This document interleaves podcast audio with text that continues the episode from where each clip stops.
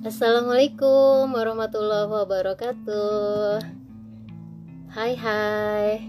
Mas Hai Apa kabarnya siang hari ini? Alhamdulillah. Rinjing desktop Mbak Santi udah gabung ya?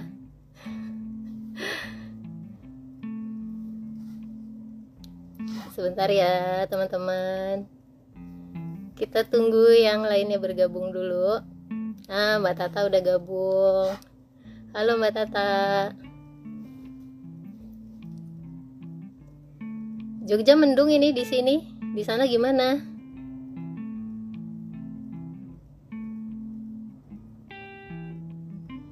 Mudah-mudahan suaraku jelas ya. Mudah-mudahan sinyalnya juga bersahabat. 30 menit ke depan insya Allah. Oke, sebelumnya saya buka dulu ya teman-teman Sekali lagi, Assalamualaikum warahmatullahi wabarakatuh. Hai hai mas saya semuanya, sahabat. Mulai dari nol. Alhamdulillah hari ini kita bisa ketemu lagi Tapi di segmen acara yang baru ya. Biasanya kan kami ini mulai dari nol tampilnya di podcast. Nah, per hari ini dan insya Allah satu bulan ke depan kita akan ada segmen yang baru. Namanya segmennya biru yaitu bincang inspirasi usaha cara asik rumpi bisnis ya. Jadi hari ini kita mau ngapain? Alhamdulillah mendung ya Mbak Tata ya. Jadi hari ini kita mau ngobrol-ngobrol aja, uh, mau sharing-sharing.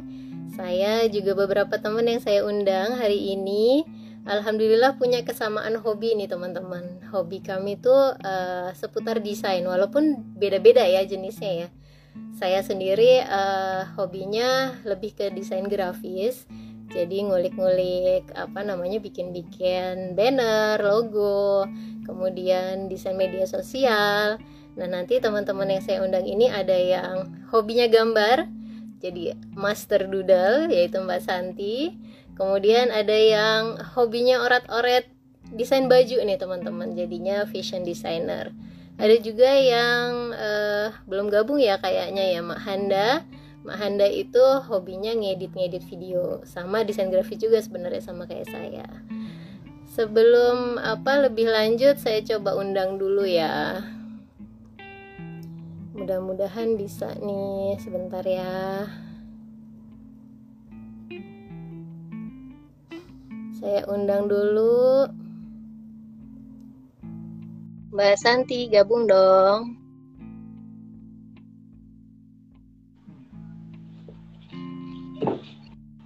Assalamualaikum Mbak Santi. Waalaikumsalam Marista. Kayaknya malah cerah nih. Bendung ini Mbak di sini. Bendung ya, waduh rata nih berarti. Mbak Tata jangan tiduran dong, miring tuh videonya. Gimana ya Mbak? Ada grogi. Nah, asik. Tinggal nunggu Mahan ya. Mahan tadi udah, ini mungkin masih sholat nih. Pas mepet banget waktunya soalnya. Oh, iya. Ya udah, sambil nunggu Mahan, kita kenalan dulu aja. Halo nih. guys. Halo guys. eh, kita mulai dari kenalan dulu aja ya. Aku juga belum kenalan nih sebagai makminnya nih.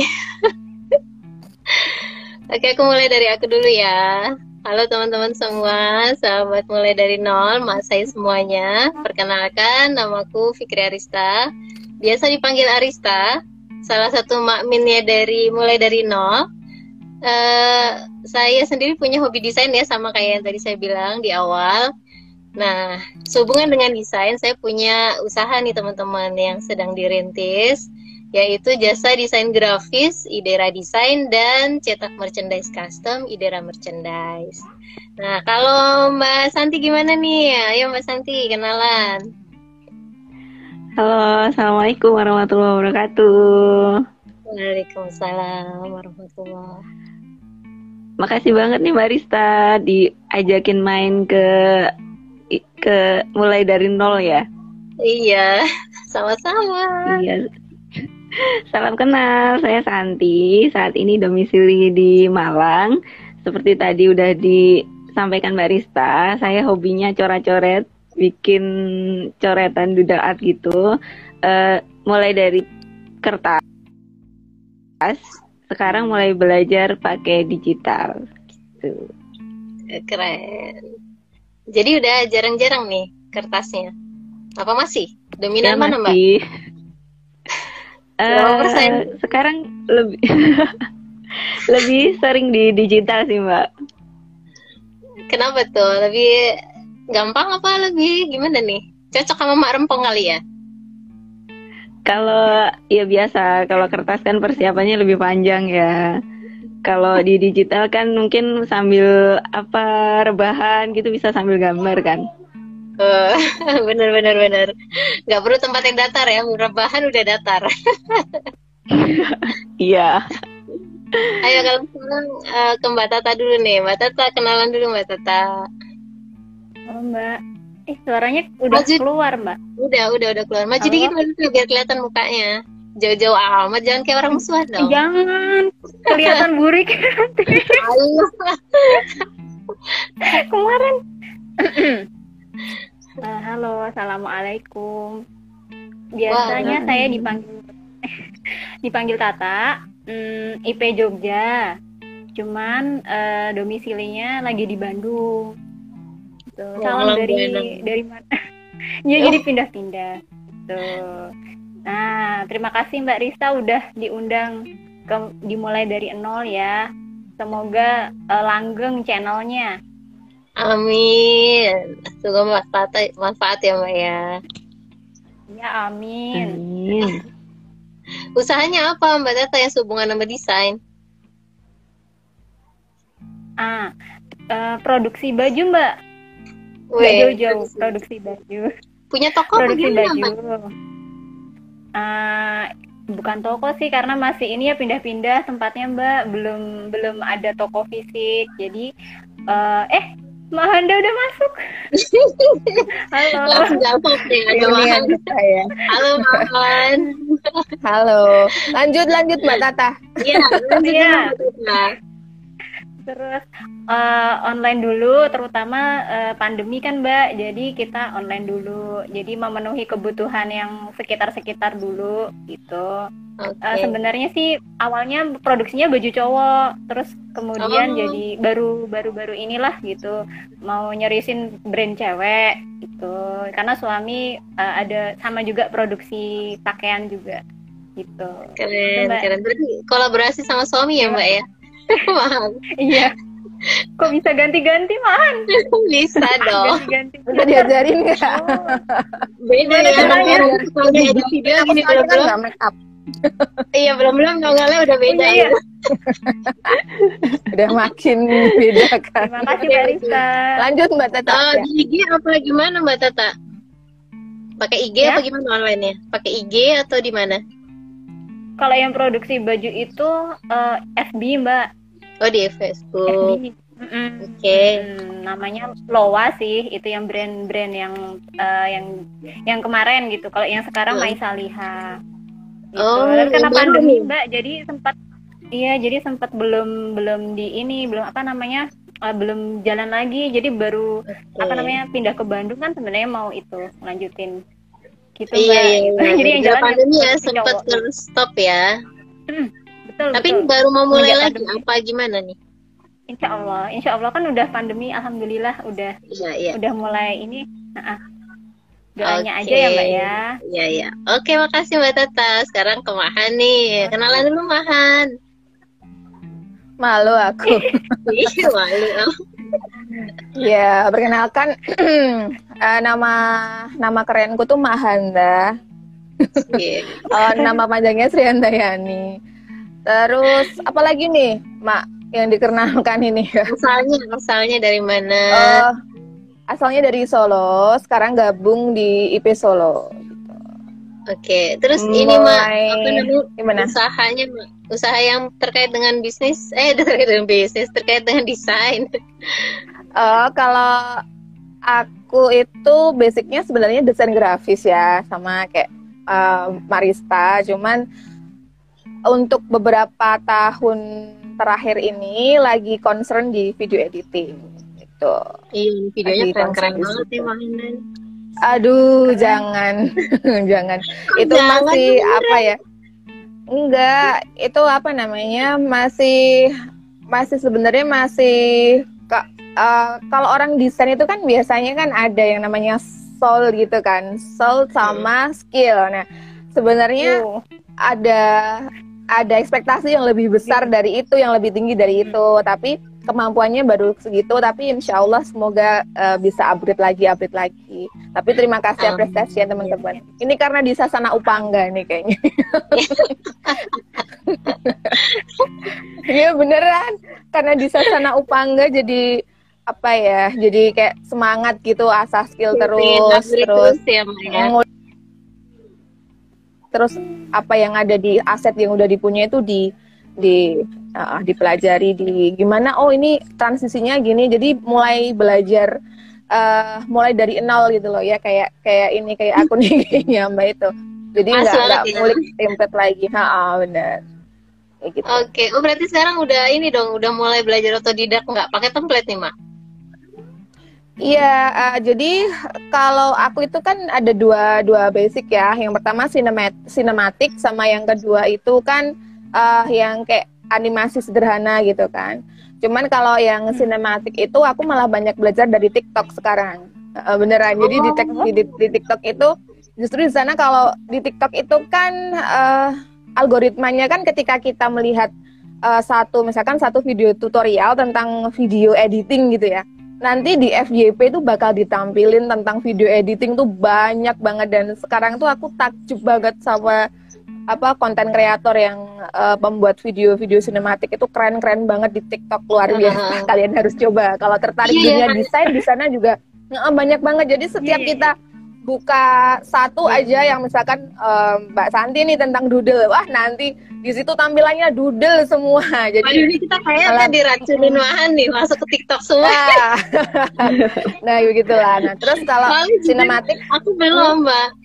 Aku jujur Oh, aja belum? belum. Emang udah apa Harus namanya? coba. Udah sering kan ya didengar gitu terus kayaknya. Terus ah, kayak, tapi masih ngerasa itu loh, Mak. Kayak aduh TikTok tuh anak muda banget gak sih yang mama kayak gini tuh cocok gak sih kayak masuk ke TikTok gitu. Mikirnya kayak gitu gitu loh sih ya. iya. Mm-mm. Ternyata Jadi, enggak ya. Ya, Luas gitu. banget malahan ya. Enggak, enggak. Jadi kalau aku dulu itu kan pantangan banget sama TikTok itu masalahnya di anak-anak ya. Karena kan aku punya anak kecil dan anak kecil itu cenderung suka TikTok. Anak kecil tuh cenderung suka joget-joget kayak gitu kan. Nah, terus Nah, iya. sekarang eh, sekarang itu aku mulai eh, berpikir gini, ternyata eh, apa TikTok itu kalau misalkan anak-anakku itu kalau misalkan lihat TikTok itu mesti aku dampingin. Jadi kalau nggak ada bunda kalian nggak boleh buka TikTok. Jadi sekarang kayak gitu aku peraturannya. Nah terus Oh. itu ya itu yang sinematik ya. Kok malah bahas TikTok sih? Terus Ada ah, jadi itu yang sinematik seperti itu. Eh, dan aku kalau sinematik itu em, memang basicnya dari nol, bener-bener dari nol karena aku kuliahnya juga nggak di eh, media kayak gini. Terus apa? Dulu awalnya juga dari desain. Seneng kali ya. Ya itu tadi namanya passion itu tadi. Jadi eh, mudah gitu belajarnya tuh seneng gitu. Oh transisi baru tuh kayak gini ya. Oh aplikasi yang di apa di HP itu banyak ya ternyata. Oh aku coba ini deh, coba CapCut, coba VN, coba KineMaster. Akhirnya banyak referensi di situ. Itu untuk sinematik. Kalau yang animasi itu memang aku mainnya eh, dari awal ketemu salah satu brand ya. Itu aku memang mainnya pakai template sih, Eh, karena memang eh, ini ya, Mak ya. apa ya Mm-mm, dari PowerPoint. Tapi mulai ke sini mulai ke sini kayaknya nggak seru nih kalau eh, template aja gitu. Dan waktu itu waktu pakai template itu pun sebenarnya eh, nggak semua orang itu akan langsung bisa gitu pakai templatenya. Jadi memang prosesnya lama sih. Nah terus akhirnya eh, sampai sini mulai mulai nih cari di YouTube YouTube itu subscribe yang eh, apa channel-channel yang tentang PowerPoint banyak banget itu. Nanti pokoknya kalau misalkan ada teman-teman yang menyimak eh, live ini terus tertarik di YouTube banyak banget yang hubungannya gimana membuat video sama eh, pakai PowerPoint. Nah, mulai dari situ belajar dari situ, belajar dari mempelajari template yang dipunya kayak gitu akhirnya alhamdulillah sekarang mul- mulai apa ya nyaman gitu buat dari nol gitu dari nol dari kosong power apa PowerPoint dari layar kosong itu sampai mengisi apa namanya asetnya, terus teksnya, Hmm. animasinya mulai nyaman gitu. Gitu. Karena udah terbiasa dari template itu ya, lama-lama bisa sendiri Iya. ya. heeh. Nah, ini nyambung Mbak tadi nih ya? kan Mahan tadi kan cerita nih eh, nggak ada basic desain ya awalnya ya Mak ya. Mm-mm, Sebenarnya iya. sejak kapan sih suka desain gitu, tertarik mulai-mulai ngulik-ngulik desain, terus sampai Heeh. eh, pernah Iya. ngambil kelas nggak gitu Mak? Oh gitu. Kalau desain itu aku kenal desain, maksudnya kenal Corel Photoshop itu sebenarnya tahun 2011 ya. Waktu itu kan suami punya usaha kios gitu, eh, yang fotokopi sama melayani desain percetakan gitu kan. Nah pada waktu kita itu suami rekrut tukang desain pada waktu itu. Nah kebetulan tukang desainnya itu nggak bertahan lama gitu loh, paling berapa bulan terus resign, berapa bulan resign. Akhirnya pada waktu itu eh, aku datang seolah-olah menjadi hero gitu. Aku tak belajar wae ya gitu. Pada waktu itu kayak gitu awalnya. Terus aku lihat di komputer kios itu, oh ini apa nih aplikasi apa nih Corel, Photoshop. Aku baru tahu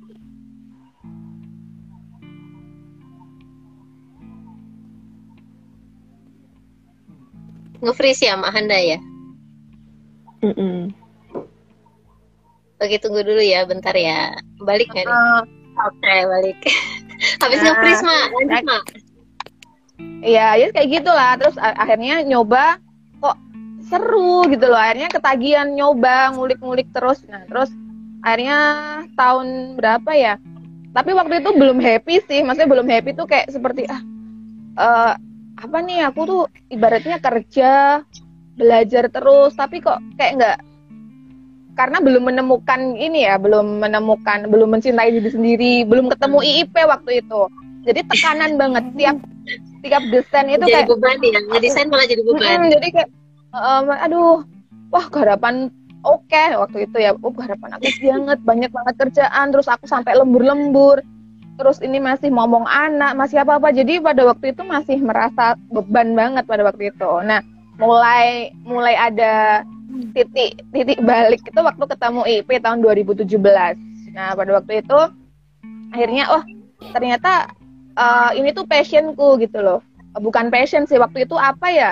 Eh, ngenal Seneng bakat ya, gitu loh. hobi gitu ya. mm, pas kenal. itu belajar apa ST 2 ST 30 itu ya. Nah pada waktu itu oh ternyata ini bakatku ya. Kemudian mulai sedikit sedikit sedikit mulai mulai menemukan oh ternyata aku tuh seneng di sini gitu. Nah dari situ akhirnya terus upgrade skill upgrade skill upgrade skillnya sampai di titik ini. Sampai tahun 2000 berapa ya? 2018 mulai berani mengeluarkan brand desain emak itu. Awalnya cuma bantu-bantu suami jadi nggak nggak pengen punya keinginan ah aku buka brand sendiri ah buka jadi apa jasa desain atau gimana tuh nggak nggak ada keinginan. Pas ikut IIP itu waktu ikut Bunda Sayang Bunda Cekatan pokoknya itu kayak menempa aku gitu loh untuk terus eh, apa ya terus memperbaiki diri terus apa upgrade skill terus yes kayak gitulah intinya titik baliknya di situ sebenarnya dulu nggak Oke. nggak karena eh, eh, nggak ada basic design sama Lumayan sekali panjang juga ya 2011, terus 2017, 2018 ya Iya. baru keluar branding. iya Berarti Ya, bisa bayangin enam tahun saya tertekan ya. gimana 6 tahun tertekan. Kasihan deh. iya makanya itu Tapi bener juga loh, aku juga kalau dipikir-pikir dulu itu ya eh, aku pribadi ya emang eh, kalau kenal desain sih emang dari dulu ya karena punya usaha bidang fashion kan dulu. Jadi mau nggak mau tuh mainan yang namanya Photoshop gitu. Waktu itu kenalnya baru Photoshop aja. Terus eh, tapi ya biasa cuma ngedit ngilangin background. Kalau sekarang kan udah ada background eraser ya. Zaman dulu kan belum ada. Jadi mainannya mau nggak mau Iya. belajar Photoshop buat ngilangin background gitu kan. Itu tuh dari tahun berapa ya? Ya mungkin sama lah kayak Mahanda ya, sekitar 2012-an gitu. Tapi eh, ya begitu-gitu aja gitu. Nah, justru titik baliknya benar sama, ketemu ibu profesional iya benar. terus masuk ke Rumbel waktu itu Rumbel masuknya ke Rumbel Design. Kenapa milih Rumbel Design? Waktu itu sederhana sih alasannya cuman kepengen ah kalau misalnya mau promosi buat usaha tuh biar kece gitu loh pengen bikin-bikin yang cakep-cakep gitu biar bisa sendiri gitu kan. Nah dari situ ketemu tuh akhirnya belajar Corel pertama kali di Rumbel. Kenal Corel pertama kali di Rumbel. Sebelumnya nggak pernah sama sekali pegang yang namanya Corel gitu ya itu juga masih uh, up and down tuh saya sendiri. Habis itu tahun 2019 baru uh, dapat sharing informasi juga kebetulan dari teman-teman di Rumbel itu.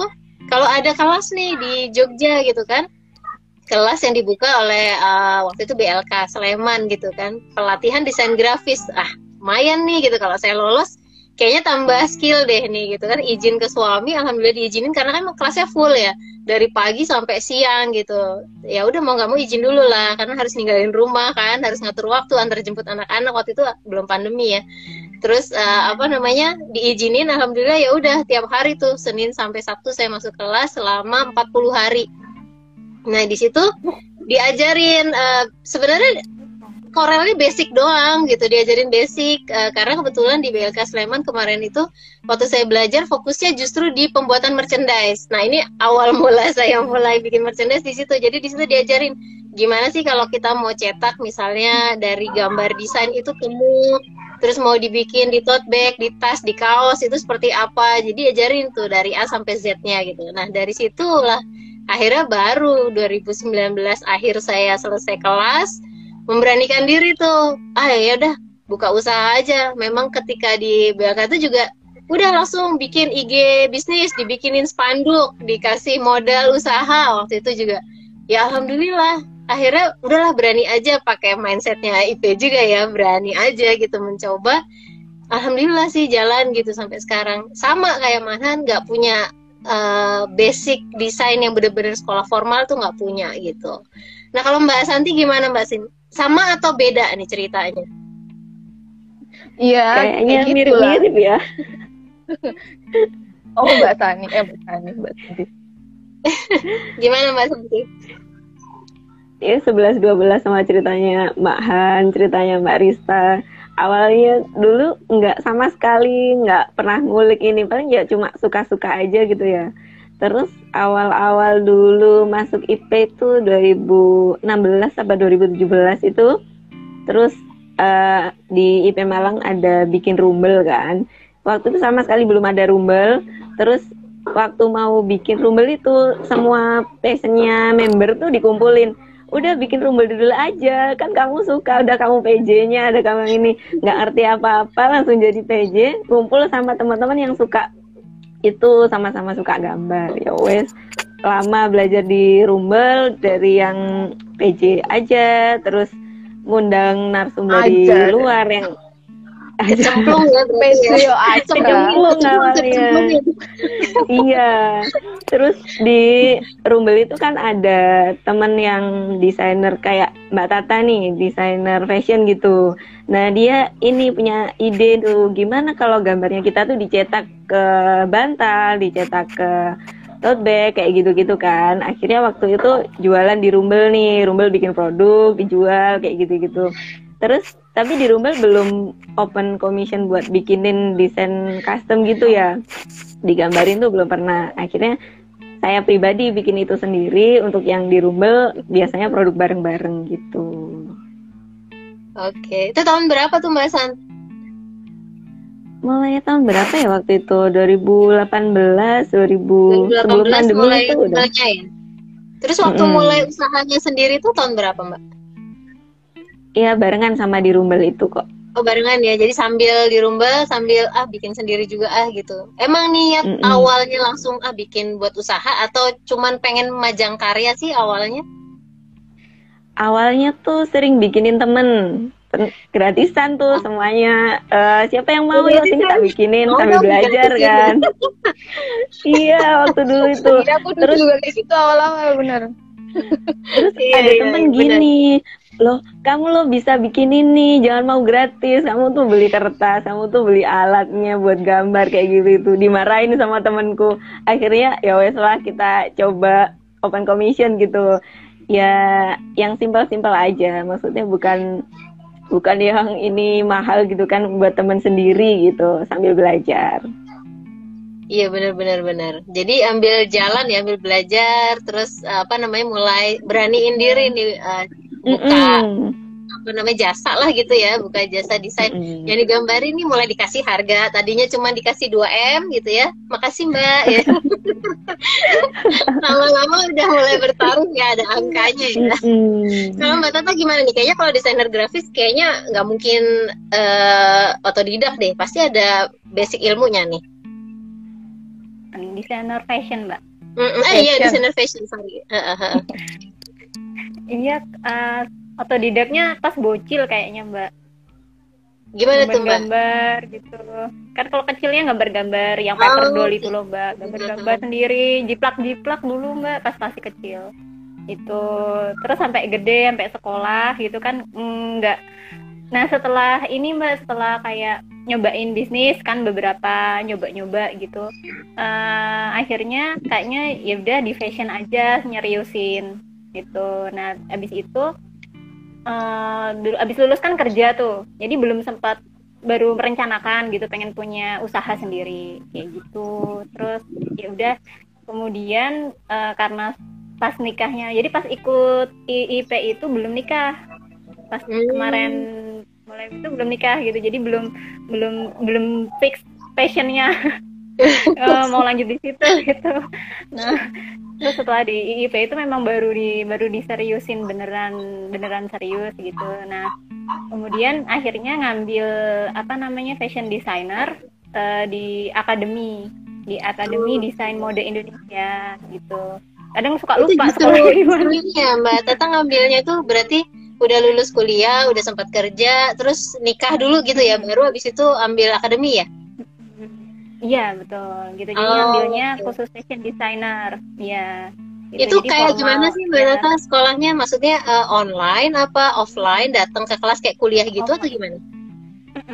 Eh, memang seperti sekolah. Jadi ada kurikulumnya kemudian ada materinya seperti apa kurikulum pelajarannya mungkin fashion desainnya kemudian jahit juga terus eh, fabric dan macam-macamnya itu. Kemudian ada ujiannya juga mbak itu. Ujian akhirnya juga ada.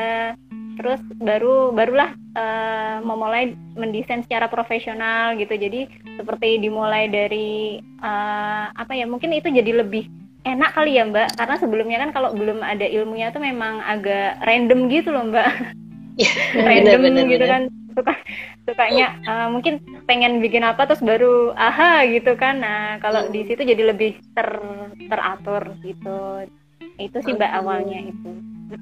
Kalau Jadinya- eh, apa namanya dari sekolah akademi itu tuh sekolah aja atau ada kayak misalnya begitu lulus terus misalnya kerja sama sama siapa disalurkan atau mungkin ada kesempatan bikin fashion show gitu atau gimana gitu mbak kalau untuk eh, fashion Iya, iya. designer? Iya, jadi eh, palingan setelah pasca lulus itu mm, lebih mendalami ke ke style designer. Biasanya diarahkan ke style designer yang udah jadi, yang udah mapan gitu. Tapi itu opsional lagi.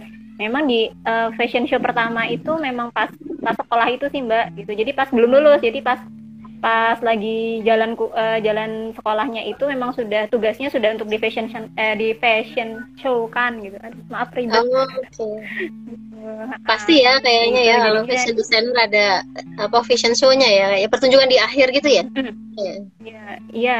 Di akhir ada, pas pas pelajaran biasa ada, misalnya untuk apa namanya, an- misalnya kan banyak anak dari anak, dari kemudian mungkin bridal, terus kemudian baju perempuan dan sebagainya itu semuanya di fashion show semua. Jadi ada ada timingnya begitu. Itu nah, itu kerja kerasnya di situ sih mbak gitu. Soalnya memang bukan dari kebanyakan yang sudah bagus yang dari SMK Tata Busana mungkin tapi sama saja. Karena tetap ngulang tetap mendalami lagi kan. Jadi sama-sama Hmm. startnya juga dari awal juga gitu kalau sekolah sebelum akademi itu basicnya apa mbak Tata sekolahnya? Manajemen mbak. Manajemen nggak ada hubungannya ya sama Hmm, desainer ya?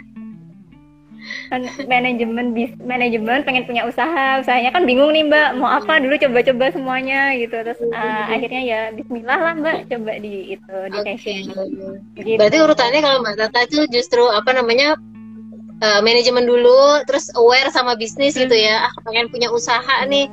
Begitu pengen punya usaha, Betul. usahanya apa? Terus baru dicari ah, kira-kira kayaknya aku suka ini deh gitu ya. Baru dicari ilmunya masuk ke akademi itu tadi ya.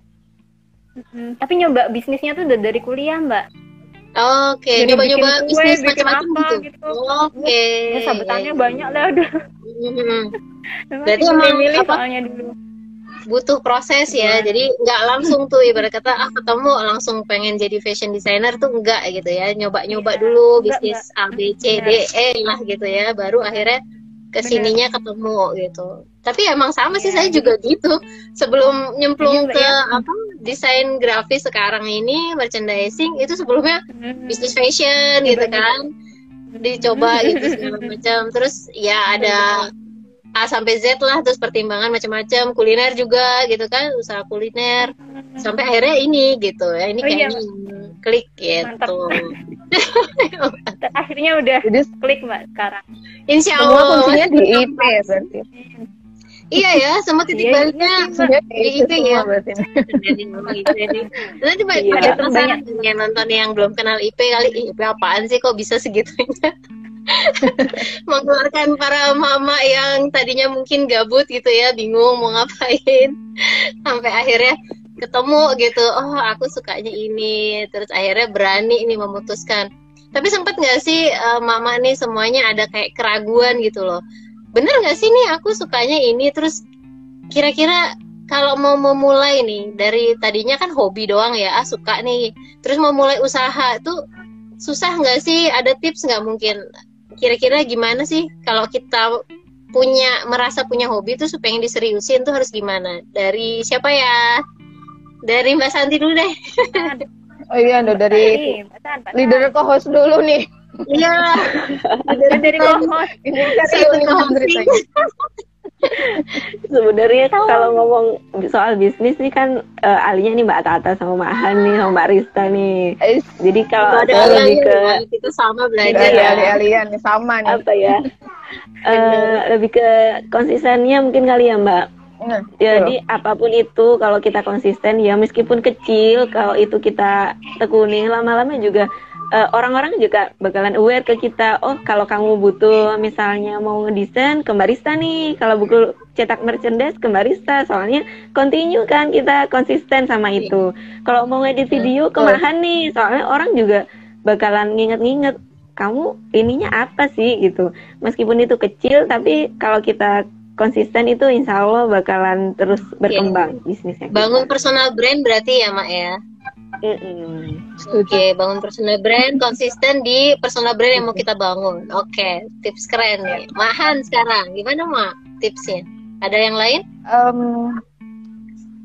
ah, hampir sama sih kayak Mbak Santi ya. Jadi memang konsisten. Dulu aku awalnya itu juga pas eh, masalah kalau masalah bisnis itu aku waktu sejak dari SD, SMP, SMA itu aku udah suka banget jualan-jualan gitu, mulai dari snack, majalah, pokoknya banyak lah ceritanya. Cuman memang kalau di eh, desain ini kan memang baru ibaratnya baru berapa tahun ya, masih eh, masih pemula lah, masih awal gitu. Nah, yang dibutuhkan memang konsistensi sih, itu yang paling utama. Nah, kalau dari aku mau nambahin sedikit, eh ketika udah menemukan passion, sudah menemukan hobi, itu yang pertama itu di kalau memang mau terjun ke dunia usaha, di- diluruskan niatnya dulu nih, diluruskan niatnya.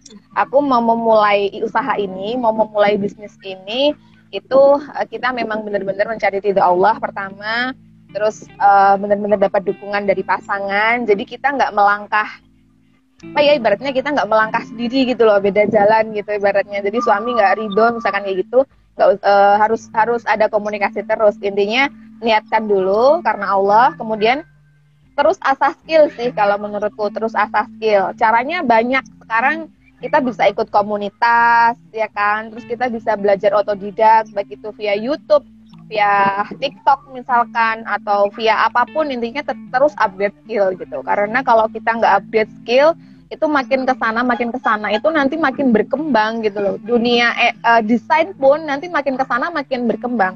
Mulai sekarang kan udah pada hampir udah pada ninggalin Corel nih udah ber- beralih ke AI nih. Iya, jadi betul. kita yang orang Corel tuh mulai aduh aku Corel nih malu gitu kan.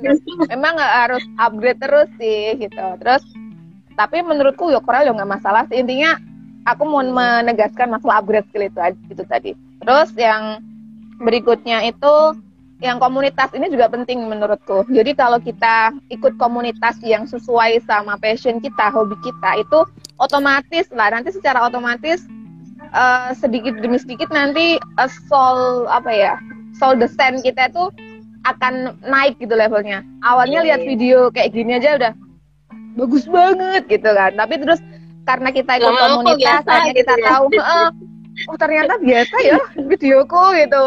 Ternyata lebih bagus lagi tuh kalau misalkan dibikin kayak gini, transisinya dibikin kayak gini. Akhirnya dengan ikut komunitas itu uh, secara otomatis kita kayak tergiring untuk terus upgrade skill. Karena aku itu sih kalau aku. Iya iya bener-bener bener banget mak keren tuh. Mbak Tata nih sekarang Mbak Tata nambahin apa Mbak? Iya, aduh saya terima kasih ya dapat inspirasi dari ibu-ibu di sini. saya dapat inspirasi juga. Tak catat loh. iya lah bagus. Kita sama-sama menginspirasi, Cien. Sama-sama belajar. Iya. Iya. Gimana Mbak Tata? Hmm sudah bagus mbak jawabannya tuh um, jawabannya emang ini kita kuis? Kita nggak lagi kuis. Ada tips lain nggak ini mbak? alam mbak Tata Pro, anu yang project yang di Bunsal sekarang. Yang di Bunsal sekarang itu saya jadi uh, apa kan kita udah menjalani proses yang panjang buat menjadi lebih profesional gitu lebih apa ya lebih membentuk keunikan gitu ya. Nah ini jadi saya tuh kan uh, sempat berpikir untuk gimana ya biar brand brand itu biar uniknya itu lebih lebih ini lebih bisa kayak dikenalin tapi enggak yang bukan yang aneh-aneh ya. Tapi orang-orang tuh kayak udah melekat gitu loh. Ya oh, seperti itu brand itu jadi kayak ya, lebih, saya. lebih sadar sama hmm, brand kita gitu ya Iya betul, itu kayak jadi PR saya juga karena fashion itu kan eh, banyak mbak gitu, banyak betul, pecinta betul. fashion, banyak reseller juga gitu. Nah itu jadi PR-nya saya dan ternyata memang membangun DNA itu uh, prosesnya itu kan seperti yang Mak Han jelasin kayak DNA kita ya Mak Han ya, gitu kayak panjang ternyata gitu, panjang untuk membentuk itu nggak sehari dua hari kayak itu Roro Jonggrang gitu. Jadinya itu akhirnya jadi bikin ini bikin saya menggali lagi gitu kan sebenarnya mau fokus di mana pasarnya itu nanti mau dikeruk seperti apa. Nah itu jadi proyek saya di Bunsal ini mbak gitu. Nah insya Allah okay. menurut saya di, dengan nambah keunikan di DNA kita itu akan membuat pembeda sama yang lain. Nah itulah jadi semoga orang-orang itu jadi lebih mudah memilih gitu. Memilih kita sih. Betul betul ya, betul produk-produk kita. Iya iya iya. Makasih Keren keren Mbak Tata. Jadi emang ini ya apa namanya uh, kalau kita dimulai dari nol ini kan tujuannya kan uh, mendorong emak-emak yang di rumah nih yang nonton mungkin uh, apa namanya misalnya merasa punya hobi atau merasa punya bakat yang belum bisa dikembangkan terus jadi berani gitu loh berani untuk memulai sebenarnya memulai usaha itu nggak rumit gitu. Tinggal mulai aja sesuai kemampuan kita gitu kan. Kayak tadi bahasan gitu sambil belajar bisa loh sambil ya open commission gitu. Pelan-pelan nggak usah yang muluk-muluk misalnya langsung bertarif tinggi atau gimana. Ibarat kata kayak tes pasar gitu ya. Tes nyoba dulu lah. Uh, orang suka nih ternyata dengan hasil karya saya yang tadinya mungkin uh, apa namanya bikin gratisan gitu ya. Nambah-nambah jam terbang lah ibarat kata kayak ini loh portofolio saya hasil karya saya seperti ini.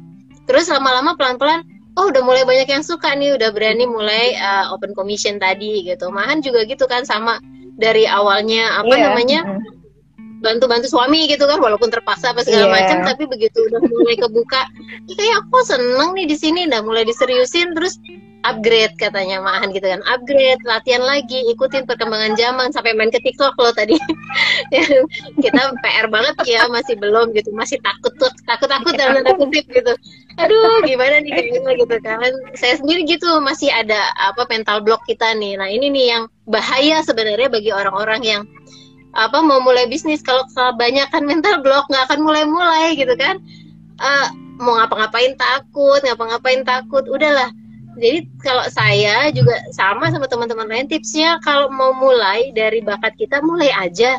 Mulai aja dari yang sederhana nggak usah uh, dibawa pusing nggak usah dibawa ribet. Mulai aja kita bisa kok buka usaha dalam tanda kutip tanpa modal gitu ya. Kayak Mbak San kan modalnya skill bukan modal uang gitu kan.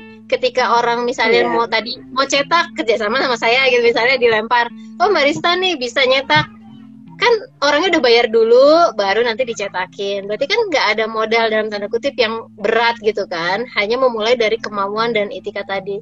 Dan saya juga setuju banget tadi Mahan tadi bilang jangan lupa di upgrade terus skillnya. Tadi Mahan bilang dari Corel beralih ke AI sekarang AI udah pelan-pelan nih enggak, Mahan. enggak, belum belum belum. Ke ini apa namanya yang sekarang uh, Canva.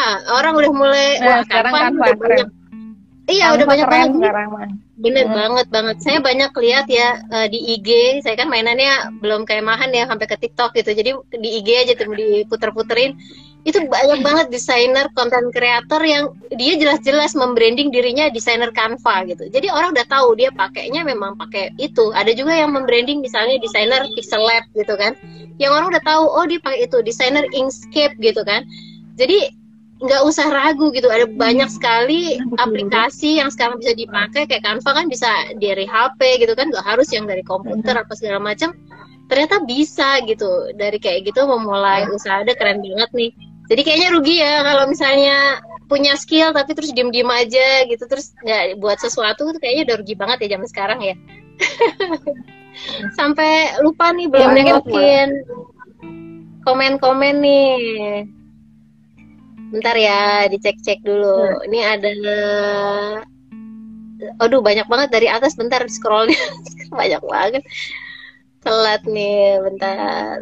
Uh ada Mbak Deska ya tadi ya, terus Mbak Ratna Chandra Sari, halo Mbak, Mbak Iklima, kemudian Mbak Listia, Listia, Listia Ningrum, terus ada, nah Mbak Deska, Assalamualaikum Mbak Rista, Waalaikumsalam, ini teman seperjuangan ini ya di Bunsal.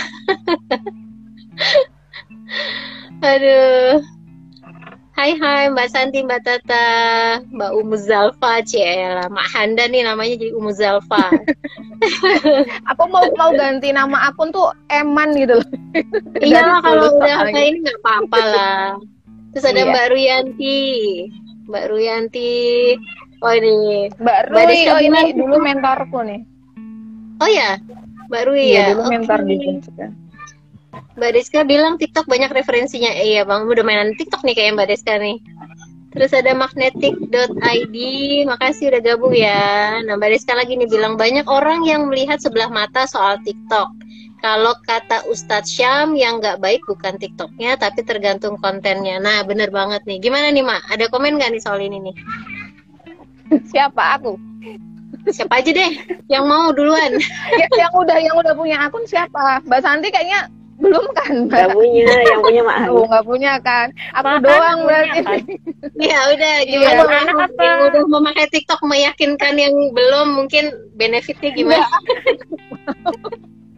Enggak kalau aku lebih ke apa ya sukanya tuh kalau di di itu di TikTok itu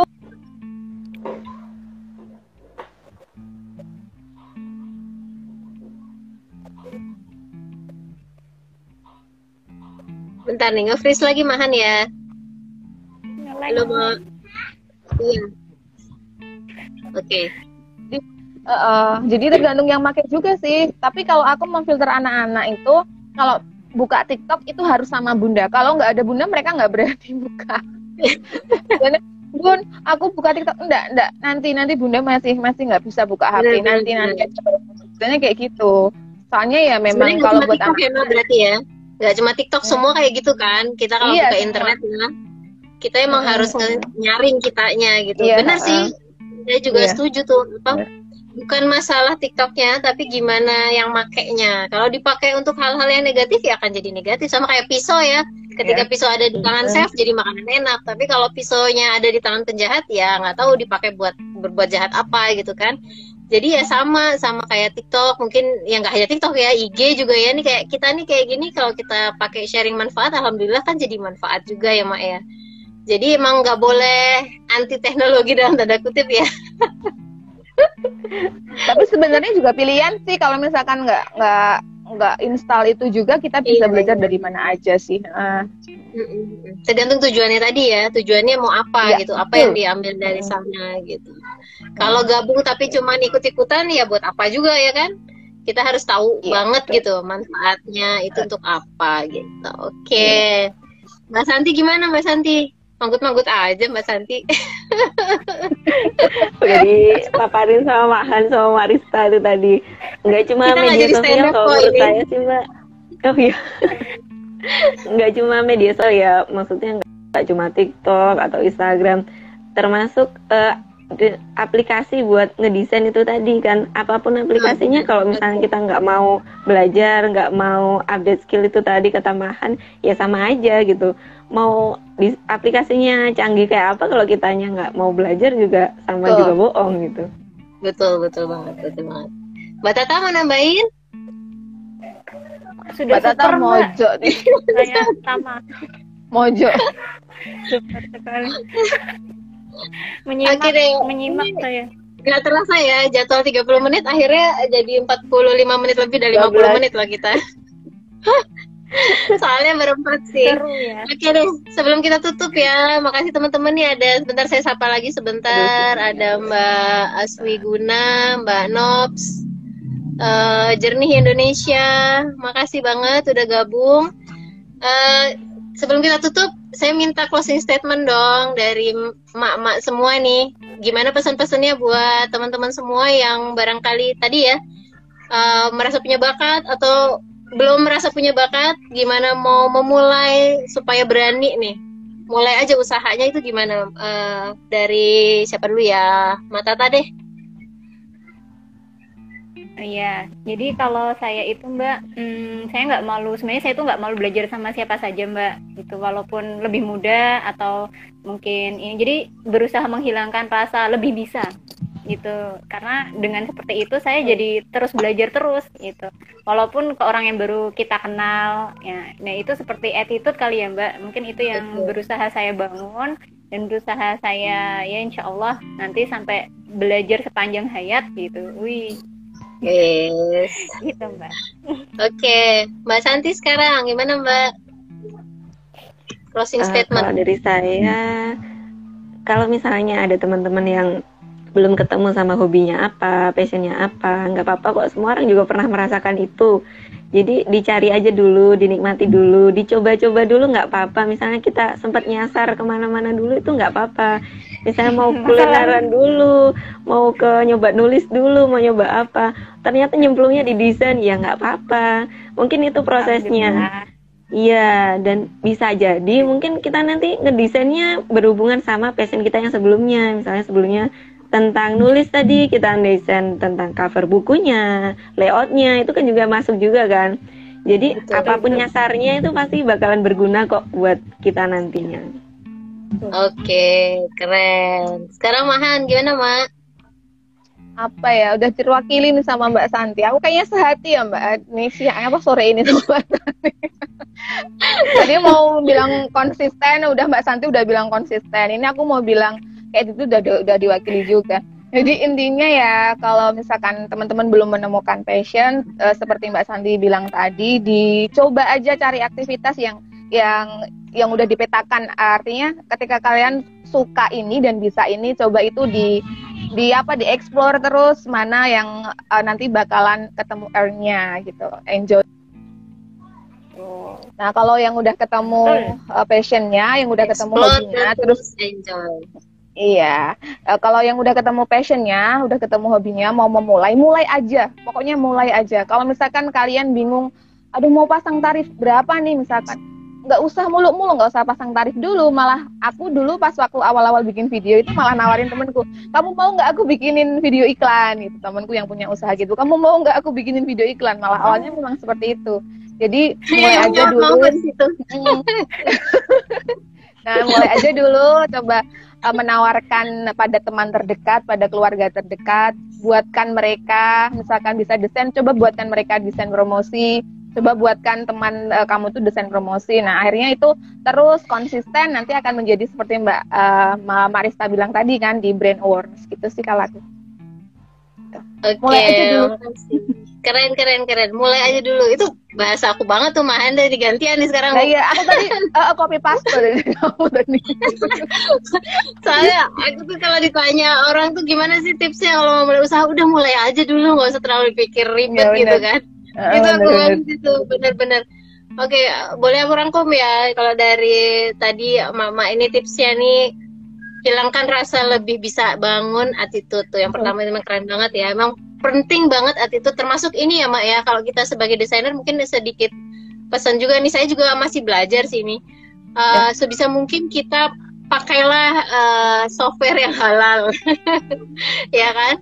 Software yang halal dalam Ya. arti jangan yang bajakan gitu. Ini saya juga belajar banget ya. Kita sama-sama belajar. Kadang-kadang kita terjebak dari uh, hal-hal yang saking asiknya gitu udah ah kan dalam rangka belajar nih tapi terus akhirnya keterusan gitu ketika kita ambil job ternyata masih pakai yang seperti itu gitu. Mudah-mudahan eh, pelan-pelan nih eh, kita bisa ya dihindari hal-hal seperti itu. Saya juga masih banyak banget kurangnya makanya belajar banyak hal nih belajar pixel lab ya belajar Inkscape gitu kan. Mungkin kalau misalnya belum ada dana pakai yang berbayar bisa pakai yang gratisan karena sekarang udah banyak banget. Itu penting banget. Tadi masuknya ke attitude tadi tuh bangun attitude ya dari awal. Kemudian coba aja nikmati aja dulu explore lagi. Misalnya nyasar-nyasar pun kata Mbak Santi tadi nggak apa-apa. Kan pasti nanti ada gunanya. Ya kan ketemu pasti nanti benang merahnya. Mahan juga sama tuh tadi bilang explore aja mana yang enjoy. Itu diseriusin sampai mentok. Kira-kira ah kalau sampai ketemu ini nih kayaknya baru. Langsung lanjutin terus dilatih. Eh, apa namanya nggak usah banyakkan mikir macam-macam ya Maya. Pokoknya mulai aja lah gitu. Oh, ini ada komen dari Mbak Widya baru. Mbak Wid baru gabung nih lebih berkah juga ya Ma kalau pakai yang halal insya Allah ya benar benar banget. Kan kita kan niatnya itu ya. Jadi eh, niat kita udah baik tapi kalau cara yang kita lakukan salah akhirnya nanti jadi salah gitu. Gitu. Iya. jadi sebisa mungkin lah gitu. Terus eh, yang dari tambahan dari saya sih kalau saya tadi sama sih sebenarnya ya jangan cepat puas gitu. Jadi latih aja. Misalnya sekarang oh udah bisa nih saya Corel udah bisa nih saya AI terus tutup mata gitu nggak mau belajar yang lain. Itu juga nggak bagus juga gitu. Karena kan yang namanya dunia desain nih progres. Apalagi dunia fashion nih kayak Matata nih pasti kan berkembang ya. betul. fashion itu kan wah kita kiblatnya mau mana? Mau ke Eropa mau ke Asia ada banyak banget. Tapi kan kita pasti juga ada rambu-rambu yang matata ya yang sesuai mungkin dengan uh, agama kita gitu kan disesuaikan dengan keyakinan kita fashion yang bisa kita ambil. Kan nggak letter love semuanya gitu diikutin yang apa nggak ada batasan gitu. Nah itu kita juga harus tahu. Terus yang paling penting lagi kalau dari saya adalah balik lagi ke niat ya. Niat kita misalnya memulai usaha itu untuk apa? Sebisa mungkin bagus kalau untuk uh, Ya. keberkahan diri dan keluarga tapi kalau misalnya ada berkah lain untuk membantu orang lain itu akan lebih jauh lebih baik lagi oke teman-teman makasih banyak waktunya ih ditemenin empat orang Berempat kita di sini legend-legend dari co-hosting Sasana Upangga di Hexagon City. Makasih ya. Saya antar pulang semuanya. Sama-sama. Assalamualaikum Assalamualaikum. warahmatullahi wabarakatuh. Waalaikumsalam warahmatullahi wabarakatuh. Ketemu lagi di Biru next episode ya teman-teman. Ya. Oke. Terima kasih, Mbak. Keluarga